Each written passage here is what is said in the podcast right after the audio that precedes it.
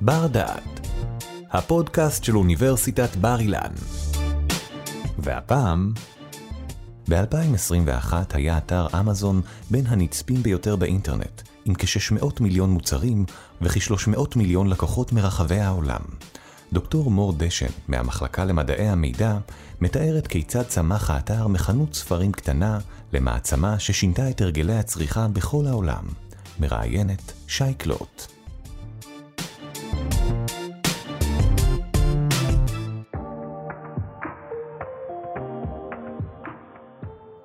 שלום וברוכים הבאים לבר דעת. אמזון, שם החברה שנכון לשנת 2021, אתרה הוא ה-11 הנצפה ביותר באינטרנט. מה יש בחברה הזאת שגרמה לכולנו לשנות את הרגלי הצריכה שלנו, והכל הודות לחזונו של מקימה, ג'ף בזוס. איך אתר שהתחיל בתור חנות אינטרנטית לממכר ספרים, הפך למעצמה ששינתה את חיי הצריכה, ועוד הרבה יותר מכך בכל העולם. איתנו כאן היום לדבר על הסיפור של אמזון, דוקטור מור דשן מהמחלקה למדעי המידע באוניברסיטת בר אילן. היי מור. היי. למה חשוב לדבר על אמזון? טוב, כל המסחר האלקטרוני, אה, אני חושבת, משנה כרגע בכלל את העולם אה, כולו, ודאי ודאי אה, אחרי הקורונה. Mm-hmm. ובתוך כל עולם המסחר האלקטרוני, אמזון היא אחד מהשחקנים הכי גדולים, שבסופו של דבר משפיע כמעט על כל אחד מאיתנו, כמעט כל יום.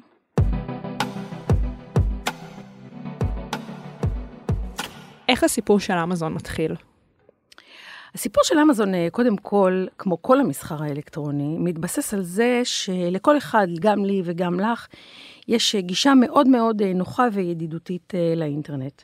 זה לא תמיד היה ככה. Mm-hmm. ממש לקראת אמצע שנות ה-90 של המאה הקודמת, כמובן, התחילו להיות דפדפנים כמו מוזאיק ונטסקייפ. שהם הפכו את האינטרנט, שהיה יותר אה, ידידותי, בעיקר לאנשי אקדמיה, למשהו שבעצם הציבור הרחב יכול להגיע אליו אה, בקלות. וברגע שבעצם אה, כמעט לכל אחד היום יש גישה לאינטרנט, ודרך הדפדפנים כמו כרום ואחרים שיש היום, אפשר ממש ממש בקלות להגיע לכל מקום ולקנות ולהתקדם. בעצם זאת התשתית שעליה מבוסס, כמו שאמרתי, בכלל המסחר האלקטרוני, וצריך להגיד שהפיוניר הבאמת אה, הגדול ביותר הוא באמת אה, ג'ף בזוס עם אה, אמזון, ואני חושבת שכל אחד שעוסק במסחר אלקטרוני היה נורא נורא רוצה להבין איך הוא מצליח ומה הוא עושה כדי להצליח גם. ג'ף בזוס, הזכרת את השם שלו, במובן מסוים, אמזון היא ג'ף בזוס וג'ף בזוס הוא אמזון. מה אנחנו יודעים על האדם הזה? לגמרי, וזה באמת uh, מעניין איך uh, בן אדם אחד, יש uh, כמה דמויות כאלה נכון. היום, ובן אדם אחד כמו ג'ף בזוס, הפך את העולם. פשוט העולם uh, ב-20 שנה האחרונות עושה שינוי משמעותי בגלל בן אדם אחד מאוד uh, יוזמתי. אני חושבת שהסיפור של ג'ף בזוס הוא מאוד uh, מעורר השראה מהמובן הזה ש...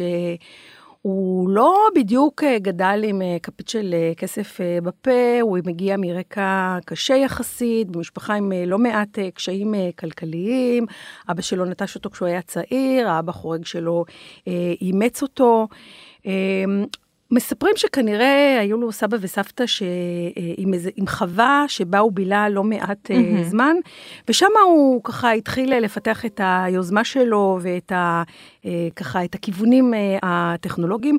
אגב, הוא למד בבית ספר בשיטת אה, מונטסורי, שגם זה מאוד מעניין, מאוד לא הישגי, מאוד לא הבחינות הרגילות, אבל כן, בסוף הוא הגיע לפרינסטון ועבד בוול סטריט, ובגיל 30 כנראה התחיל קצת להשתעמם מחברות הסטארט-אפ ומהדברים הרגילים, עבר לסיאטל. והחליט להקים חנות ספרים דיגיטליים. ככה ממש בגראז' אה, של הבית הסיפור שלו. הסיפור הקלאסי, אנחנו כבר היום מכירים הקלאסי. את כל החברות הגדולות, שככה זה מתחיל. לגמרי, ודמיינו את עצמכם, את ג'ף בזוס, אורז לו ככה בקרטונים את הספרים, רץ לדואר, שולח אותם, ואתה שואל את עצמך, מה הוא חשב לעצמו כן, זה לא בכלל. נשמע סקסי או רומנטי במיוחד ביחס לסיפורים אחרים של חברות טכנולוגיות עצומות כאלה. אני חושבת שגם אם היית שואלת אה, בן אדם אה, ממוצע ברחוב באותה תקופה, הוא היה אומר, בשביל מה אני צריך שג'ף בזוס ישלח לי ספרים בדואר? אני אלך לחנות ואני אקנה. אני רוצה להרגיש את הספר, להריח אותו, לדפדף בו. מה, אני אקנה ככה חתול אה, בשק? טוב, כנראה שלג'ף בזוס אה, ראה הרבה הרבה מעבר לאדם הממוצע ברחוב. זה באמת אומרת שבאותה תקופה, הרעיון הזה היה נשמע לא כל כך הגיוני, כי באמת היו את אותן אה, חנויות ספרים, שפשוט זה מה שהן עשו, ולא היה נשמע שאתר שכזה יבוא ויהווה איזושהי אלטרנטיבה. מה עשתה הכניסה של אמזון לחנויות הספרים? אז תראי, באמת, אה, בעיקר, אה, אני חושבת, בארצות הברית וגם בארצות אחרות, בארץ אנחנו עדיין מרגישים את זה קצת פחות. Mm-hmm. אני יודעת להגיד שכל פעם שאני מגיעה לניו יורק, אני רואה פחות ופחות חנויות ספרים. עכשיו, וחנויות שאני אוהבת פשוט נסגרו. עכשיו, יכול להיות שאנשים יגידו, טוב, בסדר, זה עולם האינטרנט, בטח אנשים כבר לא קוראים ספרים, אבל זה לא נכון. אמזון מוכרת ספרים בהיקפים אדירים.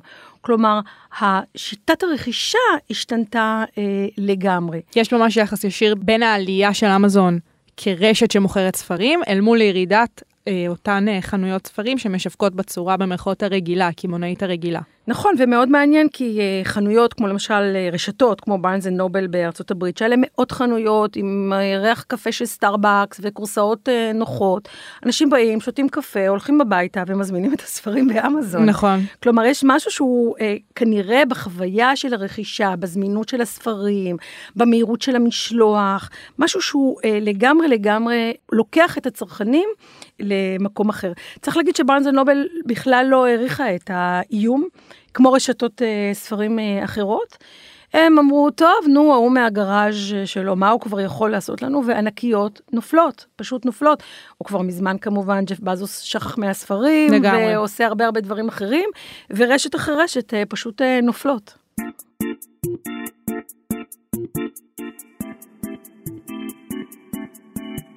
דיברנו על ג'ף בזוס, על איך הוא הביא את הרעיון של אמזון, איך הוא התחיל בגראז'. אבל מה עם אמזון כיום? מהי תמונת המצב? קודם כל, באמת, ג'ף בזוס הוא אחד מהאנשים הכי עשירים אה, בעולם. האומדן שלו מועמד, ב, מוערך ב-150 אה, מיליארד אה, דולר. Mm-hmm. מגראז' קטן, היום מדובר על מטה בסיאטל, שיש לו איזה 47 בניינים. מספרים, אני לא הייתי שם, שזה נראה קצת כמו אמזון, זה, אתם יודעים, זה נהר. שהכל ככה קצת כמו יערות גשם, הכל ימי צמחייה וטפטופים וכדומה. יש להם שם במטה חיבה מאוד גדולה לכלבים, ויש כלבים שמסתובבים. אה, הוא משחזר את, ה, את הגראז' שלו בזה שעד היום אה, השולחנות הם אה, עשויים ממין דלתות לכאורה סמל החיסכון שהיה בהתחלה. מאוד מאוד שונה ממה שאנחנו מכירים ורואים בתמונות של המשרדים המאוד צבעוניים, כן, של גוגל וכדומה. של גוגל ואחרים. ובכלל, אמזון מוכרת למעלה מ-600 מיליון מוצרים, יש להם אה, למעלה מ-300 מיליון אה, לקוחות, יש להם אה, למעלה מ-200 מוקדי שילוח ברחבי העולם, יש לה למעלה ממיליון עובדים. פשוט באמת מדובר ב, פס ייצור, פס ייצור. בענקית, שכנראה שאחד הדברים שהכי הכי חזקים שם זה באמת השירות הלקוחות המצוין, כמובן המחירים הנמוכים. ואמזון מהווה איום על הרבה מאוד uh, חברות uh, uh, קטנות. ובסופו של דבר היא הרבה מעבר לחברה ששולחת uh, מוצרים בקופסאות לכל העולם. אני כבר לא מזכירה בכלל את השירותים הטכנולוגיים הנוספים שלה, כמו שירותי הענן וסטרימינג ואלקסה וחנויות אמזון טו גו ועוד הרבה מאוד יוזמות טכנולוגיות נוספות שבאמת התפתחו בשנים האחרונות. מדברת באמת על הפלטפורמות השונות ומשונות אה, והמגוונות של אמזון. נשאלת השאלה, האם אמזון פועלת אך ורק כפלטפורמה אינטרנטית? אנחנו יודעים שהיא החליפה את הקמעונאים הרגילים, החנויות הפיזיות, אבל היא, היא פועלת רק במימד האלקטרוני האינטרנטי? אז אמזון באמת היום אה, שולחת אה, זרועות אה, לכל מיני כיוונים. קודם כל, יש לה פלטפורמה של מכירה מאוד מאוד טובה. כל מי שהתנסה בה יודע, היא מאוד מהר מכירה אותנו, מתאימה לנו, מציעה לנו את הדברים שמעניינים אותנו.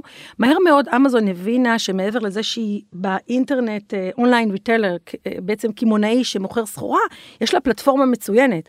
והיא בעצם התחילה את הפלטפורמה הזאת להשכיר להרבה מאוד אה, ספקים אחרים שרוצים אה, אה, למכור סחורה, מה שנקרא marketplace, שבעצם זה הופך להיות איזשהו שוק מקוון, mm-hmm. והרבה חברות וספקים שלא יודעות להעמיד פלטפורמה כל כך טובה, ושאין להם כל כך הרבה מיליוני משתמשים ואת הניסיון, משתמשות בפלטפורמה של אמזון, אז זה גם עוד דרך נוספת להכניס.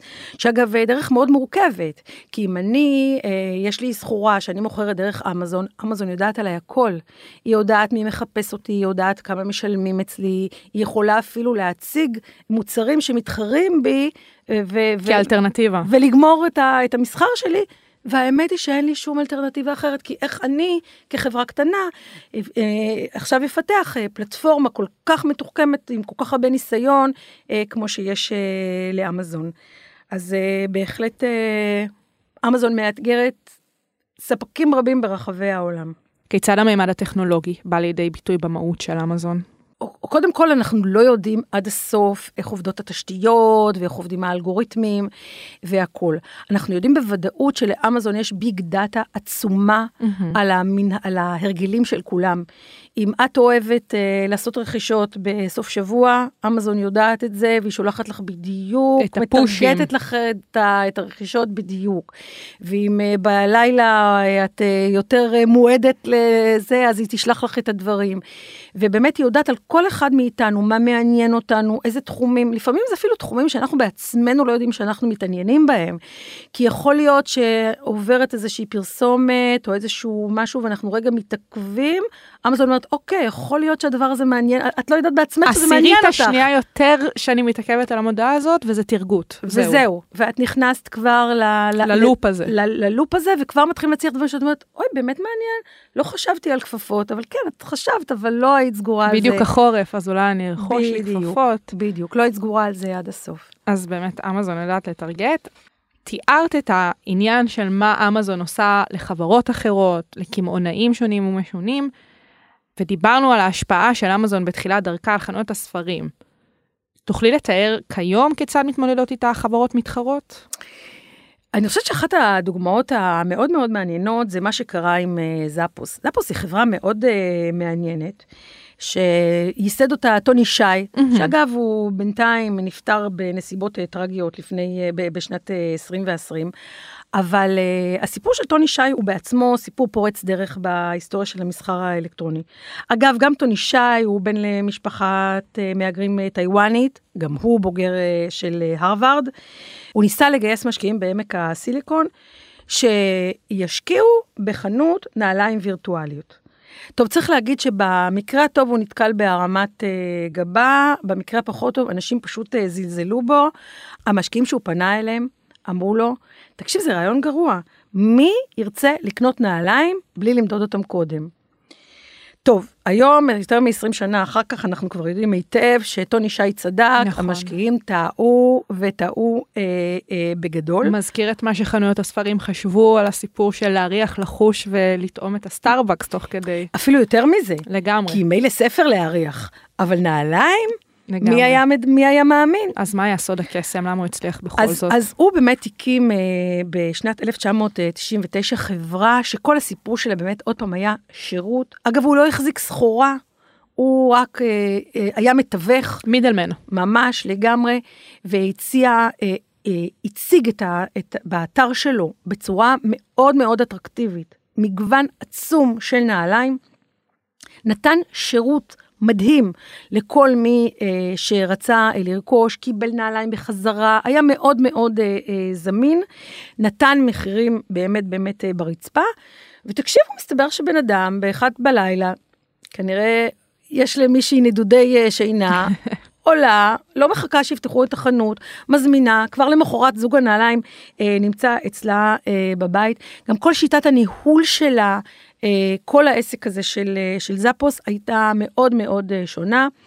מי כמובן זה מאוד מאוד לא מצא חן בעיניו. יש לי תחושה שאני יודעת. אז זהו, אז ג'ף בזוס ממש ממש הסתכל מהצד עשר שנים, ראה איך זאפוס uh, גדלה וגדלה וגדלה, ואז התחיל לנסות uh, ב- יש, ב- בכל מיני uh, שיטות, בעצמו לא הוריד מחירים, יש לו נטייה לאמזון כשהיא רוצה להיכנס לשוק, היא מורידה מחירים לרצפה, עד שהמתחר יוצא מהשוק ואז uh, חוזרת. זאפוס uh, עם, uh, ב- ב- ב- הנהגתו של טוני שי הצליחו ככה להחזיק מעמד אה, איזשהו זמן, עד שפשוט אה, אמזון אה, הציעה הצעה טובה ופשוט רכשה אותו בסכום אדיר, ו- ו- והיום זה גם של אמזון. זו היסטוריה, גם אמזון אכלה גם את החברה הזאת. נכון.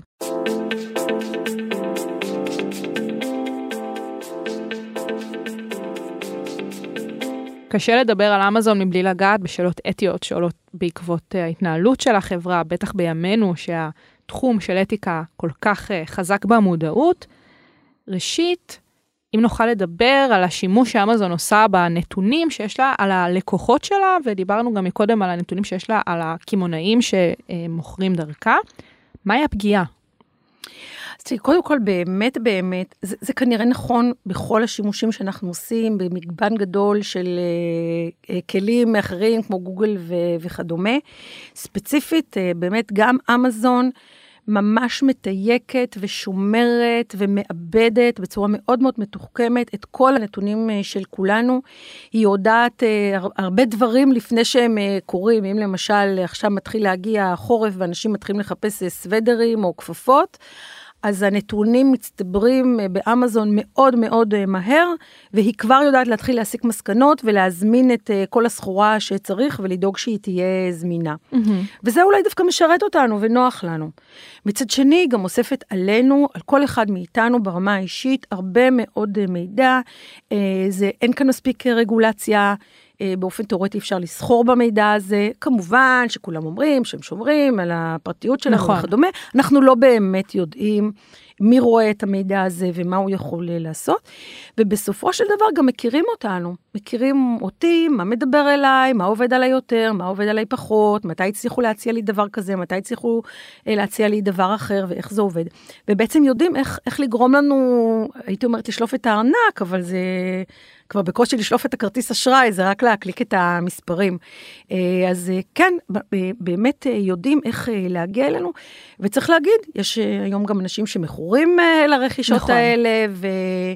אנחנו רוצים להאמין שאנחנו, יש לנו בחירה חופשית ואנחנו יודעים לבחור, אבל אין ספק שאנחנו מאוד מאוד פגיעים מול העודף הגדול הזה של המידע, שלספקים כמו ולחברות כמו אמזון, יש על כל אחד ואחת מאיתנו באופן אישי. אז זה בעצם פגיעה כפולה גם איך שהם עושים את השימוש בנתונים שלנו, ומצד שני גם מה אנחנו יודעים על כמות המידע ועל השימוש שהם עושים, הסיפור של השקיפות. נכון, וזה גם מאוד מטעה, כי כשאני נכנסת לאמזון, אני מרגישה בבית, אני מרגישה שיודעים מה אני אוהבת, ועושים לי כזה נעים uh, בגב, ואני שוכחת שבעצם רוצים למכור לי מוצרים. נכון, כמו בוטיק, אבל בדיוק הפוך מבוטיק. בדיוק. יש לאמזון גם בעיות מבית. אם אנחנו מדברים ומדברות על איך אמזון מתנהלת מול הקמעונאים שמוכרים דרכה, או הצרכנים שקונים אה, אצלה, אנחנו יודעות להצביע על בעיות מאוד מאוד קשות שעולות בתוך החברה, אה, העובדים שלה, עובדים בתוך האנגרים העצומים שמשם נשלחים המוצרים. אה, תתארי את התופעה הזאת ומה הבעיה איתה. האמת שבשנים האחרונות התחילה להיות ביקורת מאוד מאוד גדולה על תנאי ההעסקה בהנגרים ובמחסנים הגדולים של, אה, של אמזון. אני מניחה שזה גם אה, תוצר של ההצלחה. יכול להיות שיש רבים אחרים שמעסיקים אה, בתת תנאים, ופשוט אה, זה לא מעניין את אף אחד, אבל דווקא בגלל שג'ף בזוס כל כך עשיר, ואמזון כל כך מצליחה, וכולנו מרגישים שאנחנו מושקעים בחברה, אז באמת יש פוקוס מאוד מאוד גדול על תנאי העסקה. אה, וכן, אכן אה, מדברים שזוהי עבודה, עבודה מאוד מאוד קשה ומאוד מאוד אה, תובענית, ויש ממש תחרות בין העובדים על התגמולים הכספיים הנוספים, בשביל זה הם צריכים לעבוד יותר מהר וכדומה, הם הולכים מרחקים מאוד גדולים, הם מנוטרים, הכל מאוד מאוד טכנולוגי.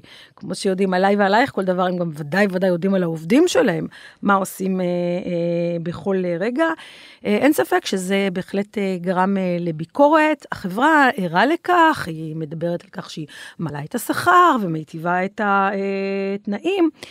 אבל אם אני הייתי עובדת במחסנים של אמזון, אני הייתי פחות מטרידה את עצמי מתנאי ההעסקה שלי עכשיו, והרבה הרבה יותר מטרידה את עצמי מהכיוונים של האוטומציה. אני חושבת שכשאנחנו רואים את ההשקעות של אמזון אה, לטווח הארוך, mm-hmm. אני חושבת שלא ירחק היום ורובוטים יחליפו חלק גדול מהעובדים שם, כל מה שקשור לשינוע ולאחסנה ולאריזה. זה כבר די קורה, לא? יש את הסיפורים הרחפנים באמזון, שפשוט שולחים את המוצרים עם כל, לדוגמה, זה לצורך העניין מחליף עבודה של נהגים בוואנים שיכולים לשנע את הסחורות? ממש כך, ועם כל הצער האמיתי שיש לי על תנאי העבודה כנראה המורכבים של העובדים במחסנים שמה, שאגב נקראים fulfillment centers, כלומר אה, משם שולחים את, ה, את ההפתעות אה, אה, אה, לכל העולם. אה, אז העובדים שעובדים שם ממש לא מרגישים שהם במרכז של הפתעות, הם עובדים מאוד מאוד קשה, ועם כל הצער שיש לי עליהם, אני חוששת שעוד כמה שנים הם יהיו מובטלים לחלוטין, ולא יהיה עוד צורך בכלל בסוג העבודה הזאת, כי הרובוטים יחליפו את מרבית העובדים שעובדים במרכזים של אמזון. זאת אומרת, כבר עכשיו הם חווים טרגדיה, אך בעתיד הטרגדיה אפילו תהיה יותר קשה, אה, פשוט לא תהיה להם עבודה. לצערי, כן. Uh, תחום נוסף שמתקשר לשאלות אתיות בהקשר של אמזון, זה הסיפור של uh, שמירה על הסביבה. בשנים האחרונות הסיפור של uh, תרבות הצריכה וביקורת על תרבות הצריכה רק הולכת וגדלה, ומן הסתם לאמזון יש uh, דריסת רגל מאוד גדולה בתחום הזה. כן. לפעמים כשמגיעות uh, חבילות uh, הביתה שהילדים שלי uh, מזמינים, אני מסתכלת, אני פותחת, אומרת לעצמי, מה לכל הרוחות הדבר הזה? מי צריך את זה? מי צריך את זה? כל מיני פיצ'יפקס וקשקושים באמת, שאני חושבת שכולנו היינו יכולים להסתדר בלעדיהם. מה שגורמת אה, חברה כמו אמזון וחברות אה, דומות, שהן בעצם מעלות את יצר הצרכנות שלנו, ואנחנו נוטים לצרוך, לקנות ולהזמין הרבה מאוד דברים שבאמת, של האמת, אנחנו ממש לא זקוקים להם בשביל אה, החיים התקינים ואפילו חיי הנוחות שלנו. וזה בהחלט מעמיס על כדור הארץ, וכנראה שיהיה לזה מחירים.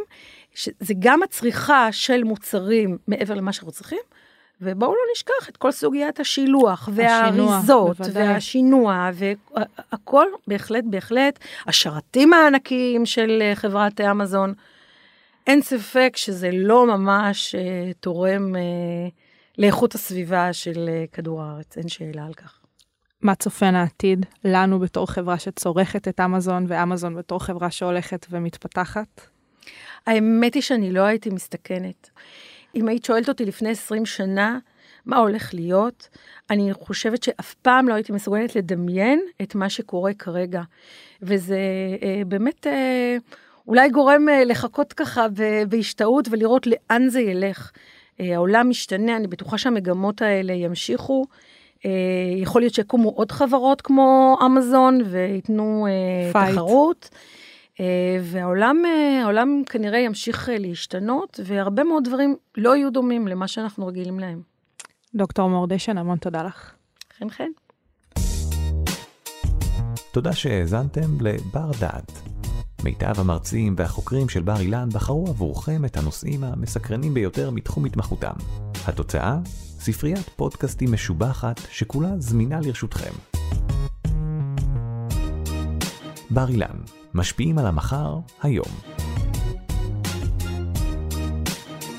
ערכה והפיקה שי קלוט. תודה על ההאזנה.